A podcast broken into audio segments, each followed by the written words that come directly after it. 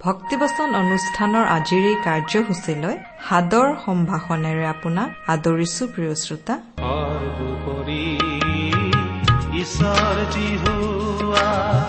যদিহে ৰখিয়া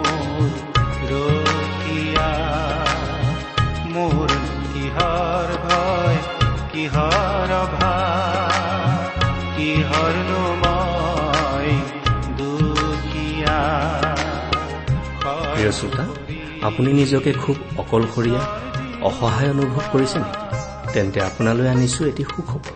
সেয়া হৈছে আপোনাৰ দুখ যাতনা কষ্ট যিমানেই বেদনাদায়ক হলেও প্ৰভু যীশুৱে আপোনাৰ লগ কেতিয়াও নেৰে তেওঁ সদায় আপোনাৰ সংগে সংগে আপোনাৰ পদে পদে আপোনাৰ সাৰথি হৈ লগতে থাকে।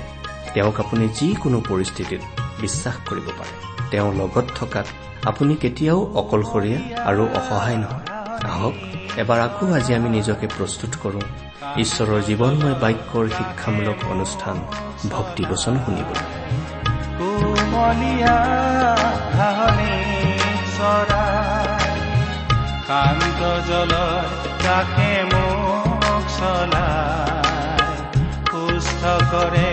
মোৰ প্ৰাণ পুনৰা ধৰ্ম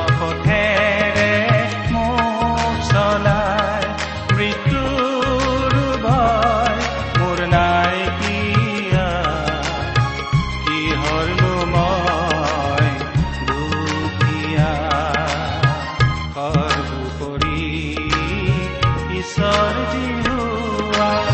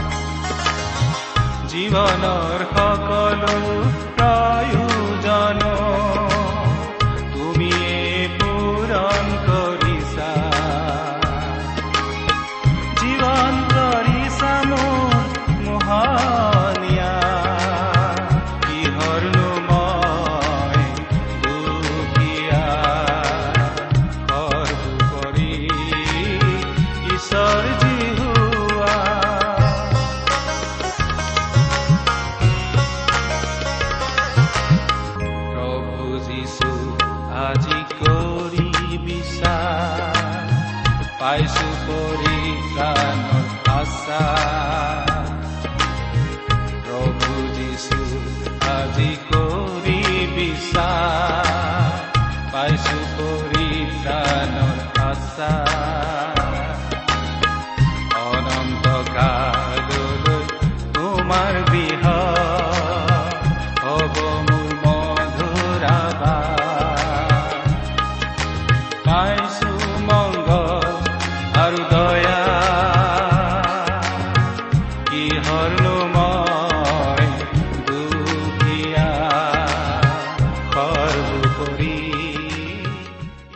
আমাৰ মহান ত্ৰাণকৰ্তা প্ৰভু যীশুখ্ৰীষ্টৰ নামত নমস্কাৰ প্ৰিয় শ্ৰোতা।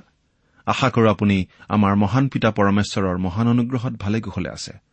লগতে এই বুলিও আশা কৰিছো যে আপুনি আমাৰ এই ভক্তিবচন অনুষ্ঠানটো নিয়মিতভাৱে শুনি আছে।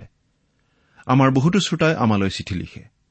এই অনুষ্ঠান শুনি উপকৃত হোৱা বুলি বহুতো শ্ৰোতাই আমাক জনায়। তেনেকুৱা চিঠিবোৰে আমাক কাম কৰি যাবলৈ যথেষ্ট উৎসাহ যোগায়। আপুনি বাৰু কেতিয়াবা আমালৈ চিঠি লিখিছেনে? অনুগ্ৰহ কৰি আজি এই দুখাৰিমান লিখি পঠিয়াওকচোন। এই অনুষ্ঠানযোগে প্ৰচাৰ কৰা কোনো কথা অধিককৈ বুজিবলগীয়া থাকিলেও আমালৈ লিখিব পাৰে। আহকচোন আজিৰ বাইবেল অধ্যয়ন আৰম্ভ কৰাৰ আগতে খন্তেক প্ৰাৰ্থনাত মূৰ দুৱাওঁ হওক। আমি প্ৰাৰ্থনা কৰো। আমাৰ স্বৰ্গত থকা মৰমীয়াল পিতৃ ঈশ্বৰ তোমাক ধন্যবাদ জনাওঁ কাৰণ তোমাৰ মহান বাক্য বাইবেল শাস্ত্ৰ অধ্যয়ন কৰিবলৈ তুমি আমাক আকৌ এটা সুযোগ দান কৰিছা। তোমাক শতকোটিবাৰ ধন্যবাদ জনাওঁ কাৰণ তুমি তোমাৰ একেজাত পুত্ৰ যীশুখ্ৰীষ্টৰ জৰিয়তে আমালৈ অনন্ত জীৱনৰ আশীৰ্বাদ বিনামূল্যে আগবঢ়াইছা। এতিয়া আহা পিতা তোমাৰ বাক্য তুমিয়েই আমাক বুজাই দিয়া। আমাৰ মৰমৰ শ্ৰোতাসকলক উপচি পৰাকৈ আশীৰ্বাদ কৰা। তেওঁলোকৰ সকলো প্ৰয়োজনৰ কথা তুমিহে ভালদৰে জানা আৰু সেই সকলো তুমিয়েই পূৰণ কৰা। কিয়নো এই প্ৰাৰ্থনা আমাৰ মহান ত্ৰাণকৰ্তা প্ৰভু যীশুখ্ৰীষ্টৰ নামত আগবঢ়াইছো।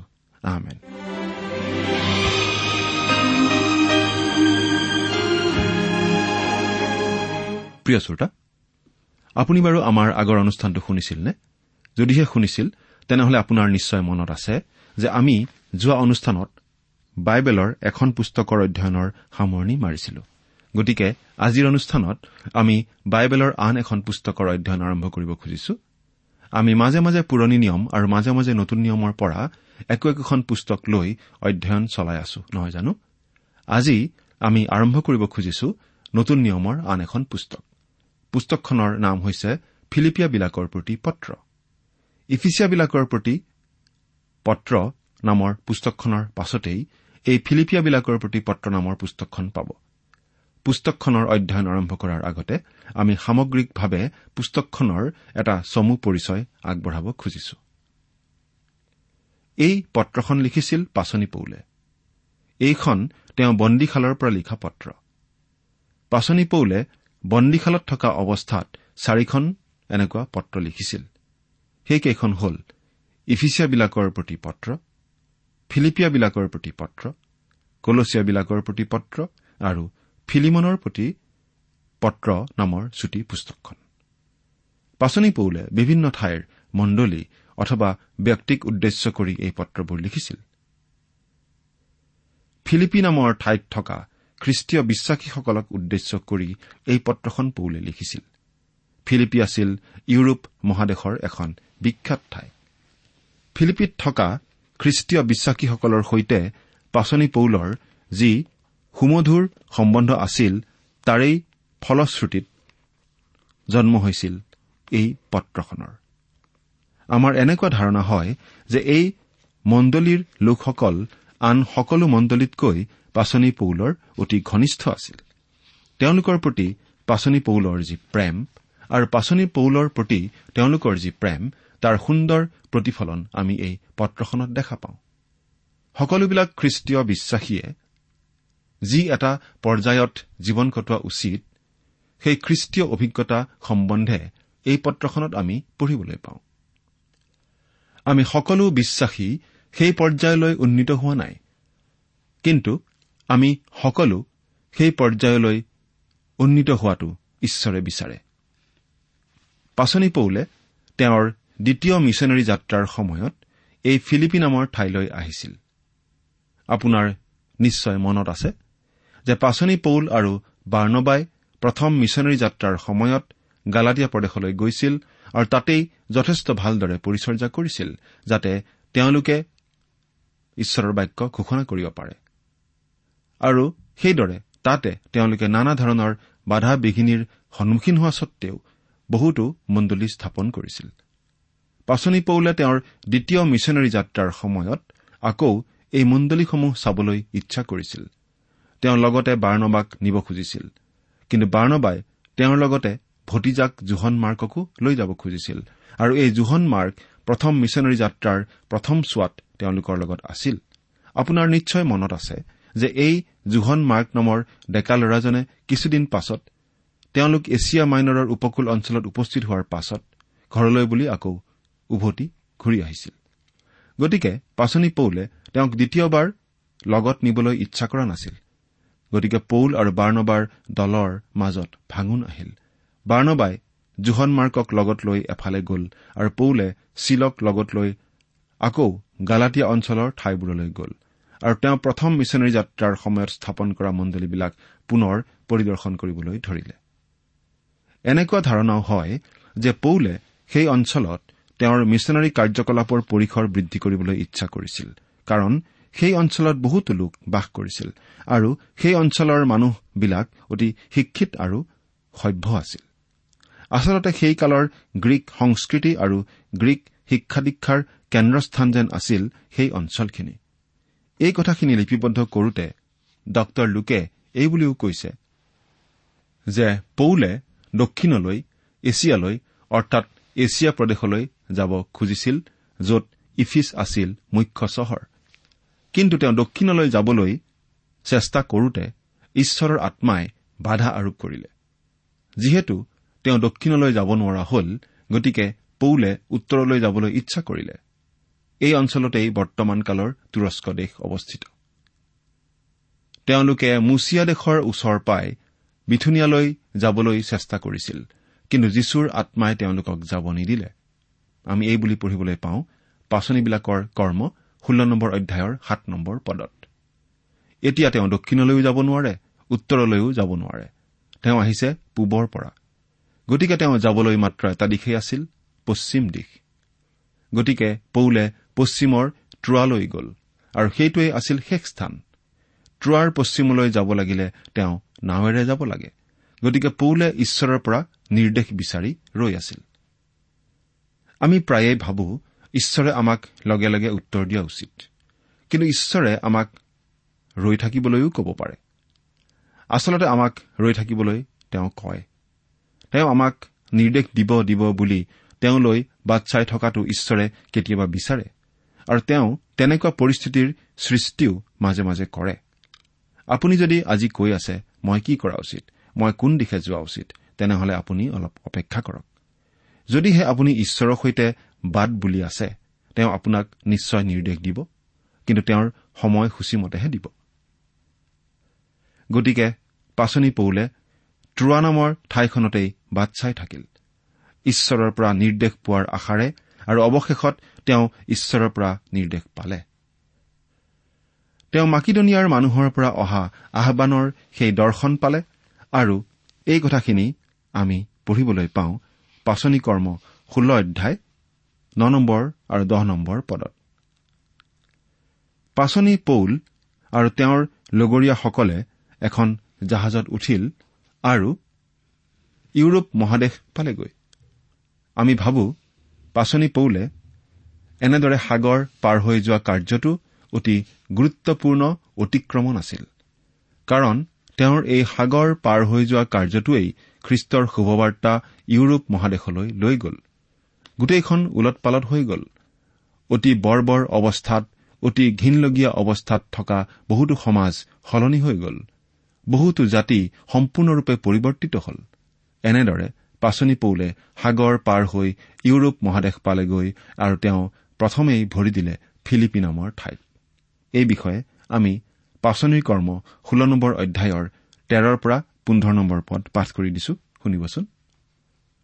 আৰু বিশ্ৰামবাৰে নগৰৰ দুৱাৰৰ পৰা ওলাই নৈৰ কাষত প্ৰাৰ্থনা কৰা ঠাই আছে বুলি ভাবি তালৈ গৈ তাতে বহি গোট খোৱা তিৰোতাবিলাকৰ আগত প্ৰচাৰ কৰিলো। তাতে থোৱাতিৰা নগৰৰ বেঙেনা বৰণীয়া কাপোৰ বেচা বনিয়ানী লুডিয়া নামেৰে ঈশ্বৰক ভক্তি কৰা এগৰাকী তিৰোতাই শুনি আছিল। পৌলে কোৱা কথা মানিবলৈ প্ৰভুৱে তেওঁৰ মন মুকলি কৰিলে। পাছে তেওঁ আৰু ঘৰৰ সকলোৱে বাপ্তাইজিত হলত আমাক বিনয় কৰি কলে তোমালোকৰ বিবেচনাত যদি মই প্ৰভূত বিশ্বাসকাৰিণী হৈছো তেন্তে মোৰ ঘৰলৈ আহি থাকাহি। এইদৰে তেওঁ আমাক বৰকৈ ধৰিলে। মাকিদনিয়াৰ যি মানুহে পৌলক সেই দৰ্শনত আহান জনাইছিল সেয়া আচলতে লুডিয়া নামৰ এগৰাকী মহিলা আৰু লুডিয়াই নদীৰ পাৰত প্ৰাৰ্থনা সভাৰ আয়োজন কৰিছিল। পাচনি পৌলক ইউৰোপলৈ অনাত বিশেষ ধৰণে প্ৰভাৱ পেলাইছিল সেই প্ৰাৰ্থনা সভাই। নদীৰ পাৰত চলি থকা সেই মহিলাসকলৰ প্ৰাৰ্থনা সভাৰ প্ৰতি মানুহে নিশ্চয় বিশেষ গুৰুত্ব আৰোপ কৰা নাছিল। কিন্তু আচলতে সেই প্ৰাৰ্থনা সভাৰ বাবেই পাচনি পৌলে সাগৰ পাৰ হৈ ইউৰোপত ভৰি দিয়া ঘটনাটো ঘটিছিল সেইবুলি আমি ক'ব পাৰো। আৰু লুডিয়াই আছিল প্ৰভু যীশুখ্ৰীষ্টক গ্ৰহণ কৰা প্ৰথম ইউৰোপীয় নাৰী বা ব্যক্তি। লুডিয়া আছিল সেই ফিলিপিয়া মণ্ডলীৰ সদস্যা যি মণ্ডলীলৈ পাচনি পৌলে এই চিঠিখন লিখিছিল। এই মণ্ডলীৰ আন আন সদস্য সদস্যা কিছুমানৰ বিষয়েও আমি জানিবলৈ পাওঁ। এজনী ছোৱালীক অসুচী আত্মাৰ কবলৰ পৰা মুক্ত কৰা হৈছিল। এই বিষয়ে আমি এনেদৰে পঢ়িবলৈ পাওঁ। পাচনিৰ কৰ্ম ষোল্ল নম্বৰ অধ্যায়ৰ ষোল্ল নম্বৰ পদৰ পৰা ওঠৰ নম্বৰ পদলৈকে পঢ়ি দিছো। পাছে সেই প্ৰাৰ্থনা কৰা ঠাইলৈ আমি যাওঁতে দৈৱবাণী কৈ নিজৰ গৰাকীবোৰৰ বহু লাভ কৰা এনে দৈৱজ্ঞ আত্মা থকা বেটী এজনী আমাৰ আগত উপস্থিত হ'ল। তাই পৌল আৰু আমাৰ পাছে পাছে আহি ৰিঙিয়াই ৰিঙিয়াই এই কথা কলে এই মানুহবিলাকে সৰ্বোপৰি ঈশ্বৰৰ দাস হৈ তোমালোকৰ আগত পৰিত্ৰাণৰ পথ জনাইছে। তাই ভালেমান দিনলৈ এইদৰে কৰাত পৌলে বেজাৰ পাই ঘূৰি সেই দৈৱজ্ঞ আত্মাক কলে যীশুখ্ৰীষ্টৰ নামেৰে তোক আজ্ঞা দিছো তাইৰ পৰা তই বাহিৰ ওলা তাতে সি সেই দ্বাৰতে ওলাল। আকৌ সেই ফিলিপিয়া জেলৰ দাৰোগাজন আৰু তেওঁৰ পৰিয়ালৰ লোকসকলো এই ফিলিপিয়া মণ্ডলীৰ সদস্য সদস্য আছিল। আপোনাৰ নিশ্চয় মনত আছে যে সেই ছোৱালীজনীক অসুচী আত্মাৰ কবলৰ পৰা মুক্ত কৰাৰ পাছত সেই ছোৱালীজনীৰ গৰাকীৰ উপাৰ্জনৰ বাট বন্ধ হোৱাত সেই মালিকজনে উচতনি দি পৌল আৰু চিলক বন্দী কৰোৱাই কাৰাগাৰত ৰাখিছিল। কিন্তু ঈশ্বৰে অতি আচৰিত ধৰণে পৌল আৰু চিলক মুক্ত কৰিছিল আৰু তেওঁলোকৰ যোগেদি জেলৰ দাৰোগাজনে যীশুখ্ৰীষ্টক নিজৰ ত্ৰাণকৰ্তা বুলি বিশ্বাস কৰি গ্ৰহণ কৰিছিল। এই বিষয়ে আমি বাইবেলত এনেদৰে পঢ়িবলৈ পাওঁ। পাছে তেওঁ তেওঁলোকক বাহিৰলৈ আনি সুধিলে হে আটাসকল পৰিত্ৰাণ পাবলৈ মই কি কৰিব লাগে? তেওঁলোকে কলে প্ৰভু যীশুত বিশ্বাস কৰা। তেহে তুমি আৰু তোমাৰ ঘৰৰ সকলোৱে পৰিত্ৰাণ পাবা। তাৰপিছত আমি এনেদৰে পাওঁ। পাছে তেওঁ তেওঁলোকক ঘৰলৈ নি তেওঁলোকৰ আগত খোৱা বস্তু দি ঘৰৰ আটাইবিলাকে সৈতে ঈশ্বৰত বিশ্বাস কৰাত উল্লাসিত হ'ল। পাচনি কৰ্ম ষোল্ল নম্বৰ অধ্যায়ৰ ত্ৰিশ একত্ৰিশ আৰু চৌত্ৰিশ নম্বৰ পদ পাঠ কৰি দিলো। এই ফিলিপিয়া মণ্ডলীৰ আন বহুতো সদস্য সদস্যাৰ কাহিনী অৱশ্যে আমি নাজানো। কিন্তু তেওঁলোক পাচনি পৌলৰ অতি ঘনিষ্ঠ আছিল। যাত্ৰাৰ সময়ত তেওঁলোক পাচনি পৌলৰ সংগী হৈছিল আৰু পাচনি পৌলক নানা ধৰণে সেৱা শুশ্ৰূষা কৰিছিল। কিন্তু যেতিয়া পাচনি পৌলক জিৰচালেমত বন্দী কৰা হল তেতিয়া দুবছৰৰ কাৰণে তেওঁলোকে পাচনি পৌলক দেখা পোৱা নাছিল। তেওঁনো কত আছে সেই কথাটো ফিলিপিয়া বিশ্বাসীসকলে গম পোৱা নাছিল। অৱশেষত পাচনি পৌল বন্দীশালত থকা বুলি তেওঁলোকে শুনিবলৈ পাইছিল ৰোম নগৰত। এই লোকসকলৰ অন্তৰ গলি গৈছিল আৰু তেওঁলোকে তেওঁলোকৰ মণ্ডলীৰ পালক ইপাফ্ৰদিতক কিছু উপহাৰেৰে সৈতে ৰোমলৈ পঠিয়াই দিছিল। গতিকে পাচনি পৌলে ফিলিপিয়া মণ্ডলীৰ লোকসকলক ধন্যবাদ জনাই তেওঁলোকৰ প্ৰতি তেওঁৰ প্ৰেম ভালপোৱা প্ৰকাশ কৰি এই পত্ৰখন লিখিছিল। গালাটীয়া বিশ্বাসীসকলক তাত্বিক বিষয়ৰ কিছু শুধৰণিৰ প্ৰয়োজন আছিল? আৰু গালাটীয়াবিলাকৰ প্ৰতি লিখা পত্ৰখনৰ বিষয়বস্তু তেনেকুৱাই আছিল। কিন্তু ফিলিপিয়াবিলাকৰ প্ৰতি লিখা এই পত্ৰখনত তেনেকুৱা তাত্বিক শুধৰণিমূলক বিষয়ৰ প্ৰয়োজন নাছিল। কৰিন্থিয়া বিশ্বাসীসকলৰ মাজত নানা ধৰণৰ বেমেজালি চলিছিল আচাৰ ব্যৱহাৰৰ ক্ষেত্ৰত। গতিকে পাচনি পৌলে তেওঁলোকক টান কথা শুনাই চিঠি লিখিব লগা হৈছিল। কিন্তু এই ফিলিপিয়া লোকসকলৰ মাজত তেনেকুৱা খেলি মেলি নাছিল। গতিকে ফিলিপিয়া লোকসকলক তেনেকুৱা পত্ৰ লিখাৰ প্ৰয়োজন হোৱা নাছিল। ফিলিপিয়া মণ্ডলীৰ ক্ষেত্ৰত মাত্ৰ এটা সৰু বেমেজালি আছিল। ইবদিয়া আৰু চুন্তুখী নামৰ দুগৰাকী মহিলাৰ মাজত অলপ বিবাদ হৈছিল আৰু পাচনি পৌলে চিঠিখনত তেওঁলোকক অলপ টান কথা কৈছে। পত্ৰখনৰ শেষৰ ফালে। আচলতে এই পত্ৰখনত পাচনি পৌলে খুব গহীন ভাৱেৰে নহয় অলপ আনন্দ মনেৰে কথাখিনি লিখা যেন লাগে।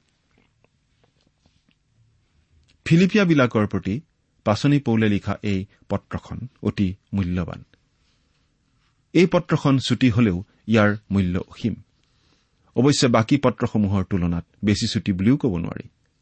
এই পত্ৰখন খ্ৰীষ্টীয় জীৱনৰ অভিজ্ঞতা সম্বন্ধীয় সৰ্বোত্তম পত্ৰ বুলি ক'ব পাৰি।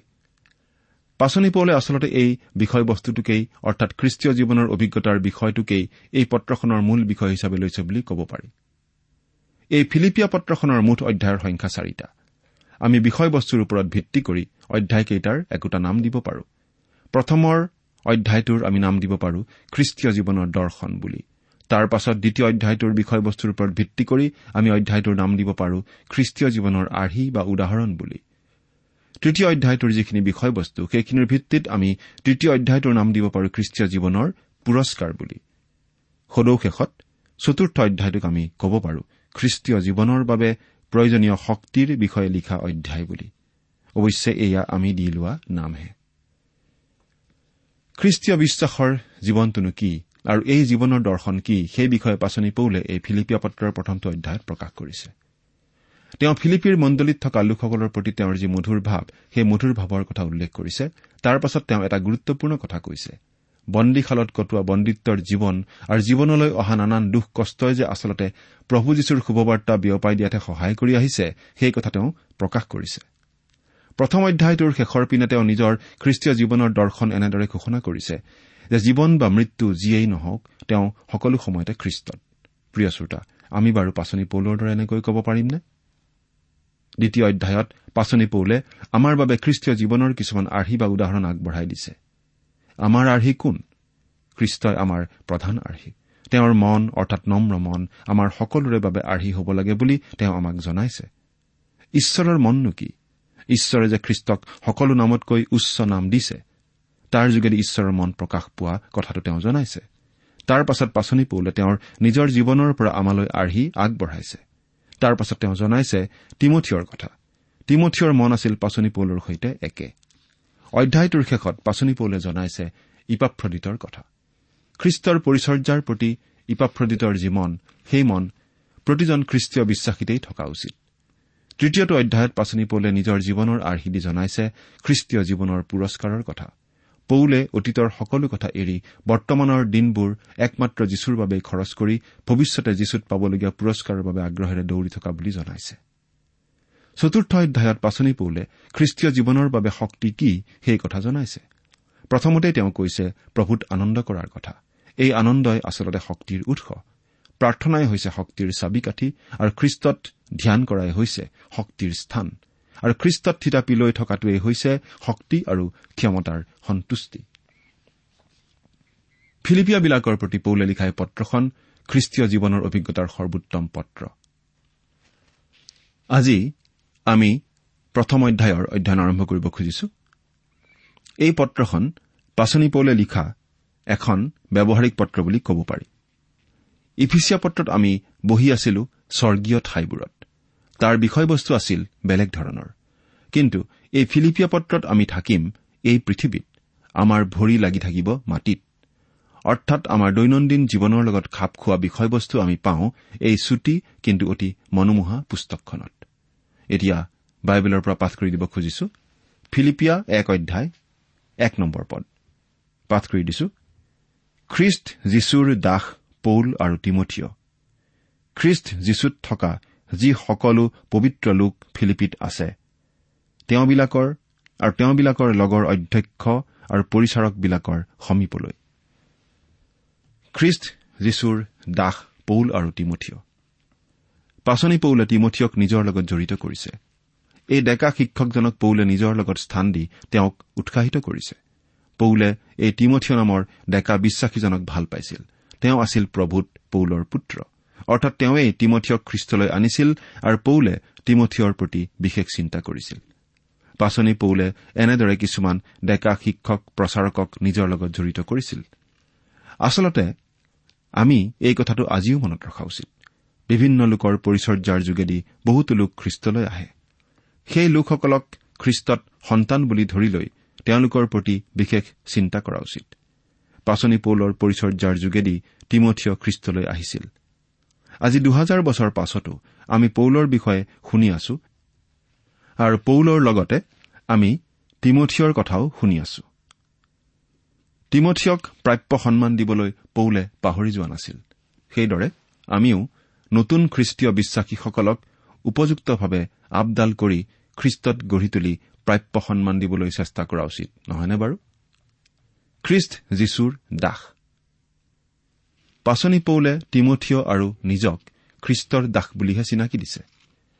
দাস মানে ইয়াত আচলতে কৃত দাস নাইবা বন্ধা দাস বুলিহে বুজোৱা হৈছে। আনহাতে গালাটীয়া পত্ৰত পাচনি পৌলে নিজকে পাচনি বুলিহে চিনাকি দিছিল। একেদৰে কৰিন্ঠিয়াবিলাকৰ আগতো তেওঁ নিজকে পাচনি বুলি চিনাকি দিছিল। তেওঁ জনাইছিল যে তেওঁ মানুহৰ ইচ্ছাৰ দ্বাৰা নাইবা মানুহৰ দ্বাৰা কৰা পাচনি নহয় কিন্তু স্বয়ং যীশুখ্ৰীষ্টই পতা পাচনি। সেইটো কথা তেওঁ কোৱাৰ প্ৰয়োজন আছিল কাৰণ কিছুমান লোকে তেওঁৰ পাচনি বাব সম্বন্ধে সন্দেহ প্ৰকাশ কৰিছিল। কিন্তু ফিলিপিয়া লোকসকলৰ আগত তেনে কৰাৰ কোনো প্ৰয়োজন নাছিল। তেওঁ তেওঁলোকক ভাল পাইছিল আৰু তেওঁলোকেও তেওঁক পাচনি বুলি গ্ৰহণ কৰিছিল। তেওঁলোক সকলোৱে পৌলৰ যোগেদিয়েই খ্ৰীষ্টলৈ আহিছিল। গতিকে পৌলে অতি নম্ৰভাৱে নিজৰ চিনাকি দিছে খ্ৰীষ্ট যীশুৰ দাস পৌল বুলি। খ্ৰীষ্ট যীশুত থকা যি সকলো পবিত্ৰ লোক ফিলিপিত আছে তেওঁবিলাকৰ আৰু তেওঁবিলাকৰ লগৰ অধ্যক্ষ আৰু পৰিচাৰকবিলাকৰ সমীপলৈ। পাচনি পৌলে চিঠিখন লিখিছিল ফিলিপিত থকা প্ৰতিজন খ্ৰীষ্টীয় বিশ্বাসীৰ ওচৰলৈ। মণ্ডলীৰ চলাওঁতা নেতা পৰিচাৰক বৃদ্ধ লোক সাধাৰণ সদস্য সদস্যা সকলোলৈকে। ইয়াত আমি এটা কথা মন কৰিব পাৰোঁ। সকলোবোৰ খ্ৰীষ্টীয় বিশ্বাসীকেই পাচনি পৌলে পবিত্ৰ লোক বুলি কৈছে। পবিত্ৰ লোক মানে খ্ৰীষ্টত বিশ্বাস কৰা সকলো লোককেই পবিত্ৰ লোক বুলি কোৱা হৈছে। তেওঁলোক ভাল লোক কাৰণে পবিত্ৰ নহয় কিন্তু তেওঁলোকে খ্ৰীষ্টত আশ্ৰয় লোৱা কাৰণেহে পবিত্ৰ লোক। সেই পবিত্ৰতা আচলতে তেওঁলোকৰ নিজৰ নহয় খ্ৰীষ্টৰ পবিত্ৰতা। কিন্তু খ্ৰীষ্টক গ্ৰহণ কৰাৰ লগে লগে সেই পবিত্ৰতা তেওঁলোকত আৰোপিত হয়। প্ৰিয় শ্ৰোতা আপুনি যেনেকুৱা লোকেই নহওক কিয়? আপুনি যদি প্ৰভু যীশুখ্ৰীষ্টক আপোনাৰ ত্ৰাণকৰ্তা বুলি গ্ৰহণ কৰিছে তেনেহলে আপুনি পবিত্ৰ লোক। ঈশ্বৰৰ দৃষ্টিত আপুনি পবিত্ৰ লোক। তদুপৰি পবিত্ৰ শব্দৰ ইয়াত আচল অৰ্থটো হৈছে পৃথক কৰি ৰখা। বিশেষ ব্যৱহাৰৰ কাৰণে পৃথক কৰি ৰখা। একেধৰণৰ দুটা পাত্ৰ।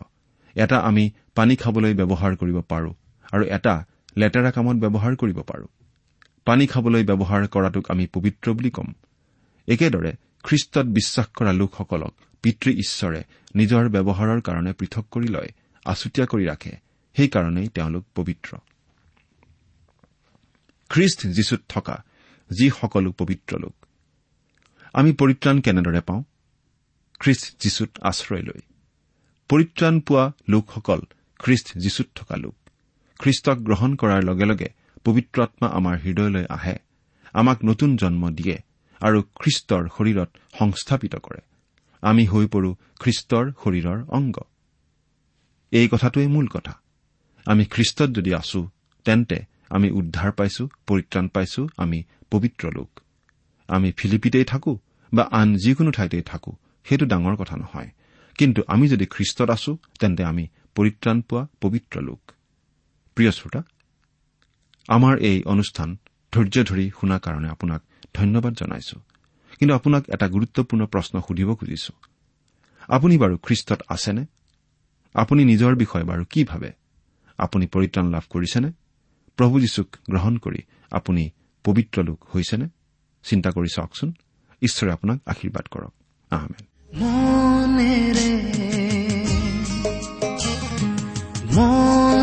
প্ৰিয় শ্ৰোতা ইমান পৰে আপুনি বাইবেল শাস্ত্ৰৰ পৰা ঈশ্বৰৰ বাক্য শুনিলে। এই বিষয়ে আপোনাৰ মতামত জানিবলৈ পালে আমি নথৈ আনন্দিত হ'ম। আমি প্ৰস্তুত কৰা বাইবেল অধ্যয়নৰ চিডিসমূহ পাব বিচাৰিলে আৰু অনুষ্ঠানত প্ৰচাৰ কৰা কোনো কথা বুজিব লগা থাকিলেও আমালৈ লিখক। আমাৰ যোগাযোগৰ ঠিকনা ভক্তিবচন ট্ৰান্সপল ৰেডিঅ' ইণ্ডিয়া ডাক বাকচ নম্বৰ সাত শূন্য গুৱাহাটী সাত আঠ এক শূন্য শূন্য এক। ঠিকনাটো আকৌ এবাৰ কৈছো ভক্তিবচন ট্ৰান্স ৱৰ্ল্ড ৰেডিঅ' ইণ্ডিয়া ডাক বাকচ নম্বৰ সাত শূন্য গুৱাহাটী সাত আঠ এক শূন্য শূন্য এক। আমাৰ ইমেইল এড্ৰেছটো হৈছে Assamese T TV at the rate radio' eight eight two dot com আমাৰ website W W W dot T W R dot in আপুনি টেলিফোনৰ মাধ্যমেৰেও আমাক যোগাযোগ কৰিব পাৰে আমাৰ টেলিফোন নম্বৰটো হৈছে nine eight five four zero' four zero' eight eight nine phone নম্বৰটো আকৌ এবাৰ কৈছো ন আঠ পাঁচ চাৰি শূন্য চাৰি শূন্য আঠ আঠ ন আপুনি এই ভক্তিবচন অনুষ্ঠানটি আমাৰ website radio' eight eight two dot কমতো শুনিব পাৰিব। আজিৰ অনুষ্ঠানটি ইমানতেই সামৰিছো। ঈশ্বৰৰ শান্তি আৰু অনুগ্ৰহ আপোনাৰ লগত থাকক। ধন্যবাদ।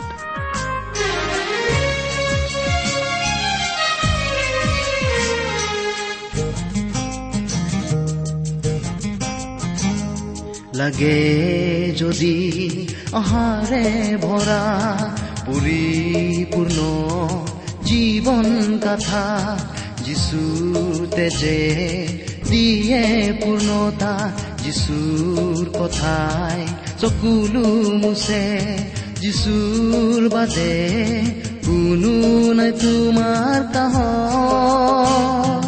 মনেৰে মনেৰে তুমি ভাবিছানে কোনো নাই কুতুমৰ কতো নাই জগতৰ যিচুৰ বাদে কোনো নাই। কোনো নাই কুতুমৰ কতো নাই জগতৰ যিচুৰ বাদে কোনো নাই। যিচুৰ বাদে কোনো নাই। যিচুৰ বাদে কোনো নাই।